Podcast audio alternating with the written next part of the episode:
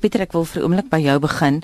Daar was gisterand nou nuwe verwikkelinge in terme van die opdrag uh, deur die persombudsman. Dis nou aan die Huffington Post. Ja, Anita, kom ons sit net dit vinnig in perspektief. Huffington Post het 'n uh, 'n rubriek of 'n blog dan gepubliseer wat um, groot um, omstredenheid veroorsaak het in die openbare domein.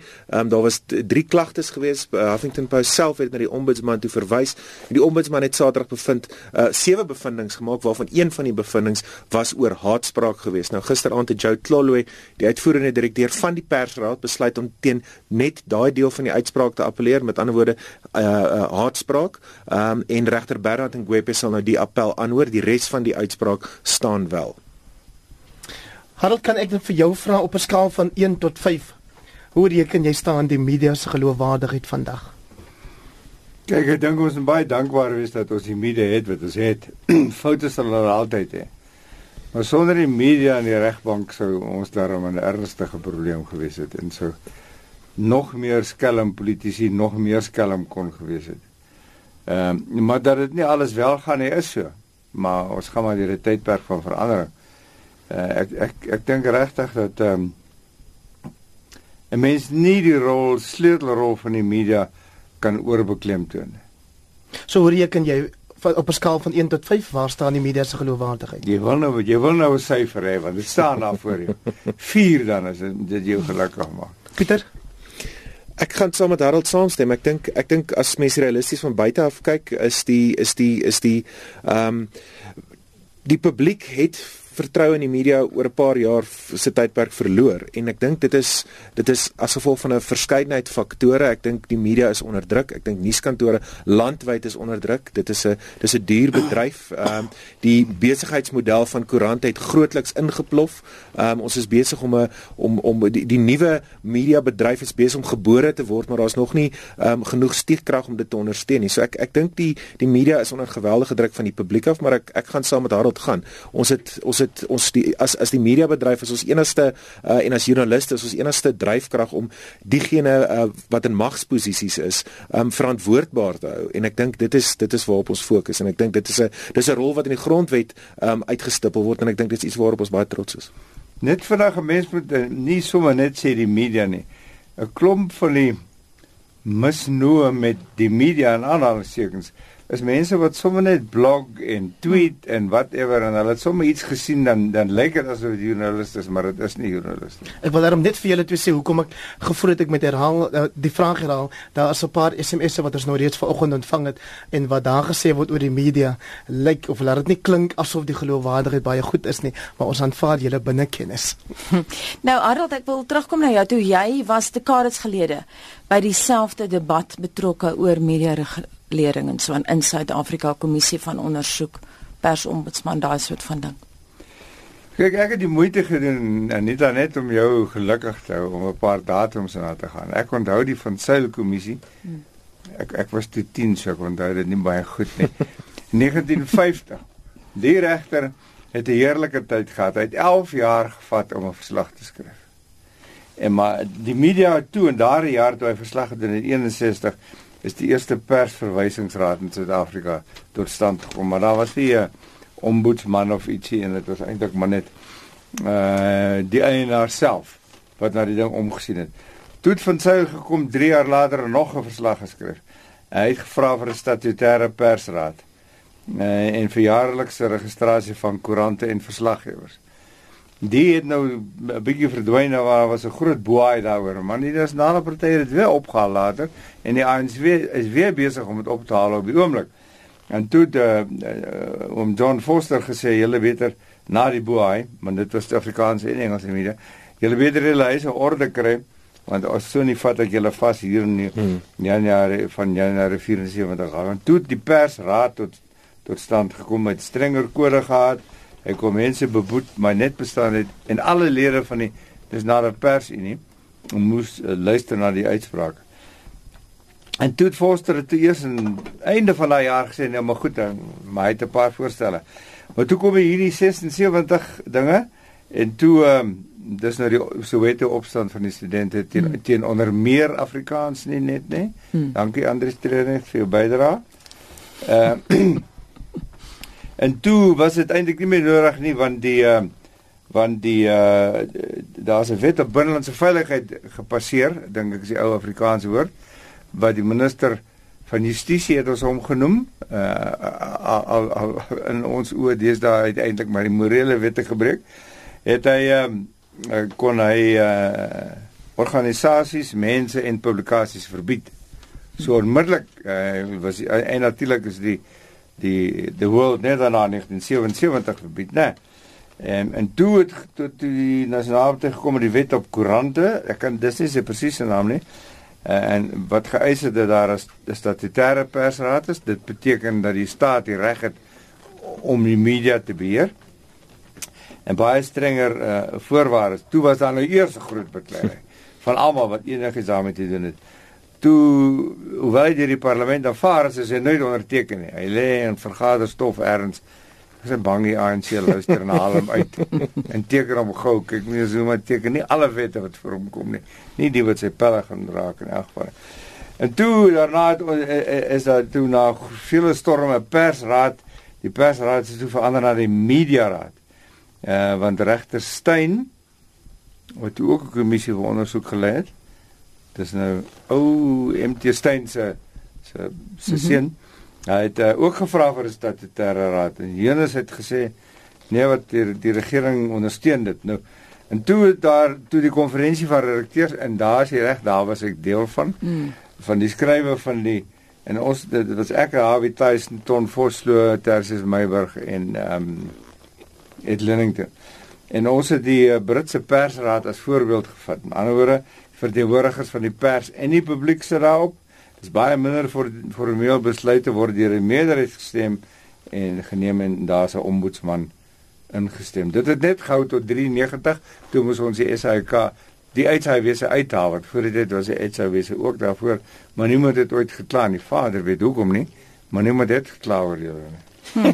Nou ja, ons het uh, Hendrik het gister onderhoud gevoer met professor Herman Wasserman. Ons gaan later hoor wat hy te sê het, maar ek wil vinnig aansluit daarby wat Harold gesê het. Uh, hy het nou verwys na dit gekyk na die Britte as 'n soort van 'n baken. Ek weet dat jy het gaan ondersoek instel na media regulering in die FSA en ook in Brittanje. Wat het jy bevind? Wel ons ons ons het eintlik 'n wat hierdie hele debakel en ek sê dit as as as as as 'n senior redaksielid van Huffington Post die hele debakel het tog gewys dat selfregulering werk. Nou Huffington Post, daar was stelsel mislukkings geweest ehm um, uh, deurdat hierdie blog gepubliseer is. Dit moes nooit gepubliseer word nie. Ons het dit ook erken. Um, maar toe het ons dit self na die ombudsman toe verwys. Die ombudsman het alles oorweeg, al die feite op die tafel oorweeg, drie klagtes oorweeg, 'n voorlegging van Huffington Post oorweeg en toe 'n 13 bladsy bevinding gemaak. Um, en ons het onsself onderwerp daaraan. As ons nie wou nie, as ons regtig waar gereken het uh, ons is uh, net aan onsself verantwoordbaar en ons gee nie om vir lesers nie en ons gee nie om vir leserskap nie ons gee nie om vir vir ons geloofwaardigheid en reputasie nie. Sou ons osself van die pers ombudsman onttrek het of gesê het ons luister nie vir die pers ombudsman nie maar ons glo in die proses en die en die stelsel van selfregulering.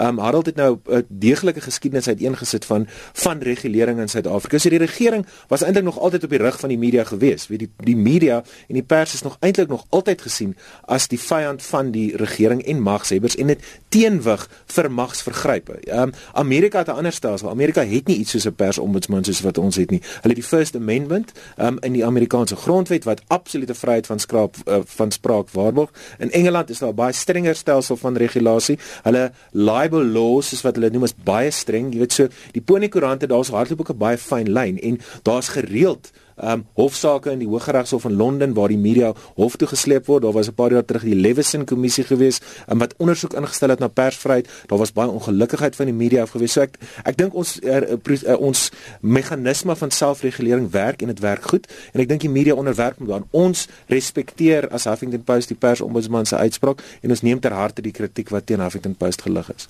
Nou in die onderhoud gister met uh, professor Herman Wasserman Anita het hy eerstens gepraat oor die definisie of die hy het gedink dit is problematies die definisie wat deur die pers ombudsman gebruik is vir byvoorbeeld haatspraak hmm. so dis goed dat hierdie ja. saak nou ook deur die op, uh, uitvoerende direkteur van die pers raad um, geappeleer word maar net dat die inhoud van hierdie klankgreep wat ons nou gaan speel het 'n ander fokus daar's groter vrae rondom die, die hele manier waarop die opslaa rondom hierdie die stuk wat gepubliseer is wat mense ander vrae laat vra ook oor rondom die hele sê maar die sosiologie van nuus in Suid-Afrika en hoe dit uitspeel en die ook die gehore en die en die markte wat ter sake is hier.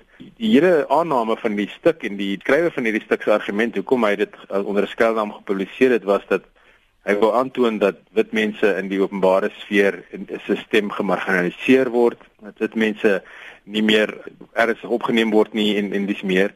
En ek dink die opslag bewys eintlik jy is daardie punt verkeerd. Die feit dat daar so 'n uh, boei hieroor is, die feit dat daar so 'n sterk reaksie is teenoor 'n uh, polemiese uitspraak rondom wit mense en stemreg, wys daarop dat dit, dit allerminst die geval is dat wit mense nie seggenskap meer het of dat mense nie se stem nie meer in die openbare ruimte gehoor word nie. So ek dink die hele boei wys vir ons dat uh, wit mense nie regtig hoef bekommerd te wees dat hulle stem nie gehoor word in die media nie.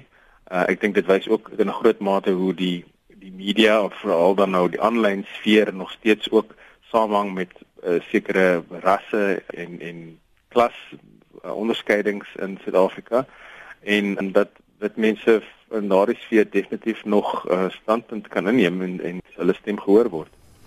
Pieter dit twee dit lyk of jy brand om te reageer. Ja, dis dis baie interessant wat Herman daar sê. Ehm um, ek dink twee goeie. Die eerste een is dat die persoon wat hierdie geskryf het, het daarop uitgegaan om ehm um, uh, opruiende en vals inligting in die openbare domein te plaas. Nou Huffington Post het daarvoor geval. Ons het gekies om dit te publiseer. Dit was 'n fout geweest, maar die motivering van die persoon wat dit geskryf het, moet ook ter tafel geplaas word. Mm. Wat wat die persoon regkry deur ehm um, opruiende en vals uh, 'n uh, vals mening in die openbare domein te plaas. Die reaksie was skerp geweest, maar die reaksie was skerp na beide kante toe gewees. Ek dink ehm uh, ons is in 'n era waar mense vreeslik op sosiale media leef. Ons leef in Twitter, uh Facebook, uh aanlyn, dis 'n aanlyn wêreld en in daai wêreld was daar twee skerp reaksies gewees of twee denkstrome. Aan die een kant was daar 'n denkstroom wat gesê het ja, uh wit mans het te veel mag en ons stem saam met die inhoud en die premis van hierdie van hierdie meningsstuk. En aan die ander kant was daar 'n verontwaardiging geweest dat iemand enigsins um kan propageer dat stemreg van 'n groep weggeneem moet word. So die die die sosiologiese aspek hiervan is fascinerend en baie interessant, maar ek dink daar was sterk reaksies na beide kante toe van van die argument geweest, maar die die motivering van die persoon wat dit geskryf het moet ook bevraagteken word. Wat wil jy daarmee regkry? En dit is wat 'n redakteur vir homself altyd moet afvra. Wanneer jy besluit om 'n stuk te publiseer, Ehm um, wat wil jy wat, wat wat moet die bydrae daarvan wees tot die openbare diskurs? afbreekend of opbouend. Maar ook baie belangrik om vir luisteraars te sê Harald, dit is nie net 'n redakteur se besluit nie. Daar's 'n redaksionele vergadering en 'n storie word baie deeglik vanuit alle hoeke bespreek en bekyk. Nou sê as jy finale saktyd 11 uur is en jy moet 5 oor 11 uh, eh, onder in die fabriek wees dan is daar nie 'n vergadering en neem ek die besluit klaar glad. Mm. Uh jy is veronderstel om te weet wat jy doen, jy is veronderstel om in 'n sekere rigting. Kyk, 'n koerant het maar 'n sy eie rigting. Hmm. Nie dink jy kan by 'n koerant waar jy saam my gewerk het uh uh KP wees nie. Dit dit sal nie werk nie. Jy sal net hier aanpas nie. Jy kan berig oor die KP skryf. Maar ek dink waar Pieter op wys is is is 'n gevaar waarvoor wat wat nou toenemend is. En dit is dat ehm um, Ek stem nie heeltemal saam dat ek berigte moet plaas wat opbouend is vir die volk nie. Nee, ek nee, ek skryf wat ek moet skryf wat gebeur. As dit sleg is vir die mense, dan is dit sleg vir die mense. Ek is nie 'n priester nie. Ehm um, maar ek dink wat wat wat wel verwag kan word nie net van 'n rekteur nie, maar van almal.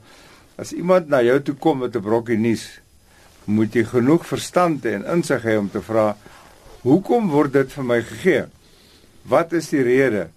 Is dit nie vals nie sê ek het net of Pieter genoem die geval van die sogenaamde rogue unit by die by SARS.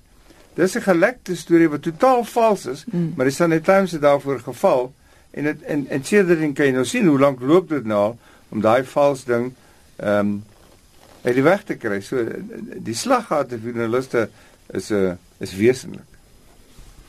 Pieter de Toey, jy het nou 'n nuwe begrip hier aan my bekend gestel. In elk geval, um, jy het gepraat van 'n vals mening. Dink jy die ANC regering en ondersteuners van die president soos Mzwanele Mani hmm. het vals menings oor die media? Ek dink dis op wel ek as as mens praat van vals menings en vals nuus en ek wil by Harold aansluit. Ons is in 'n ons is in 'n era waar waar nuus geplant word, waar inligting uh, gelek word selektief uh, deur mense met verskeidelde belange of gevestigde belange dan in in die regering en die ANC en ons en en en dit was presies dieselfde gewees in die aanloop tot Polokwane in 2007 en die aanloop tot Mangaung 2012 ons is nou in 'n uh, amper verhoogde sin van uh, uh van sensitiwiteit vergeleke met daai tye want ek dink staatskaping is 'n is is 'n faktor wat baie gekom het die die staat is onder beleg. Um so ons ons die die media is onder beleg van mense soos Mzwanele Mani en sy meelopers wat besig is om 'n narratief te skep op sosiale media elders um inligting selektief te lek aan sekere joernaliste en dit word dan net so gepubliseer. So Harold is heeltemal reg jy moet die uh uh uh uh um die die die die insig hê om te kan sien wat is twak en wat is nie. Um en en en en en daarvoor het het 'n mens ervaring, het institusionele kennis en jy het uh en jy het en jy het uh jy dit nodig. As jy die sterkkant van hierdie debat gevang het uh, aan die woord daar was die Huffington Post se adjunkredakteur Pieter de Toon. Ons praat ook met die oud koerantman Harold Pakendorf. Harold, uh, jy was nou redakteur van onder meer die Vaderland, die Oggendblad en ek verstaan ook die Financial Gazette in die destydse Salisbury. Ons het ook nou verwys na Mzilikazi wa Afrika wie se lewe bedreig word. Het jy ooit tydens die apartheidsjare het van jou joernaliste doodstrygemente gekry oor wat hulle geskryf het? Ja, ek het self net vir Pieter vertel by, by ons huis in die Erasmusstraat in Pretoria en ons kon nooit vasstel of die veiligheidspolisie of die uh, of die of die regses was nie. Maar my vrou, ek weet nie hoe dit geweet het nie, maar wanneer ek nie ek ek het elke tweede aand gewerk tot 2 in die nag en die ander dae het ek in die oggende gewerk.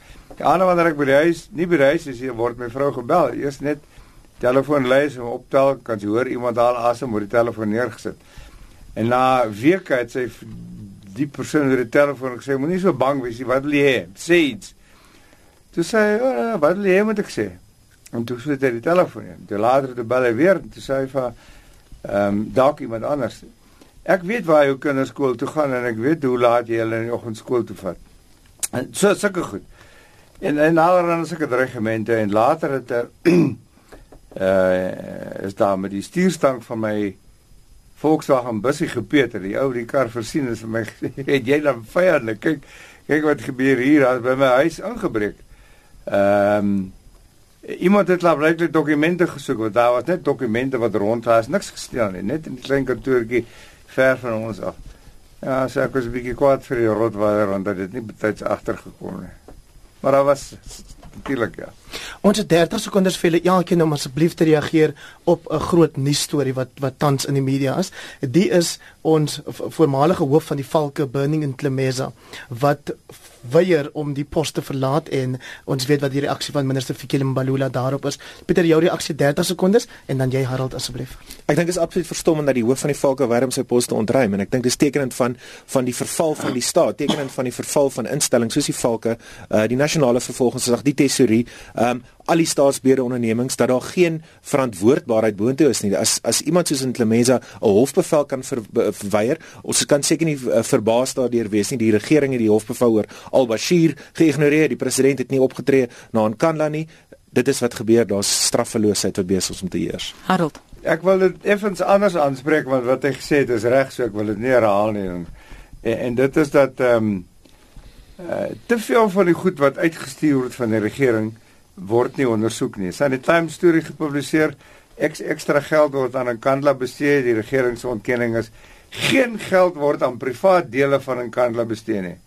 Die outomatiese instink moet wees. Dit beteken daar word geld bestee aan die ander deel want vir die 8 miljoen rand waarvoor meneer Zuma verantwoordelik is, word niks gedoen nie, maar vir die ander 232 miljoen wel. Maar dink iemand vra so 'n vraag?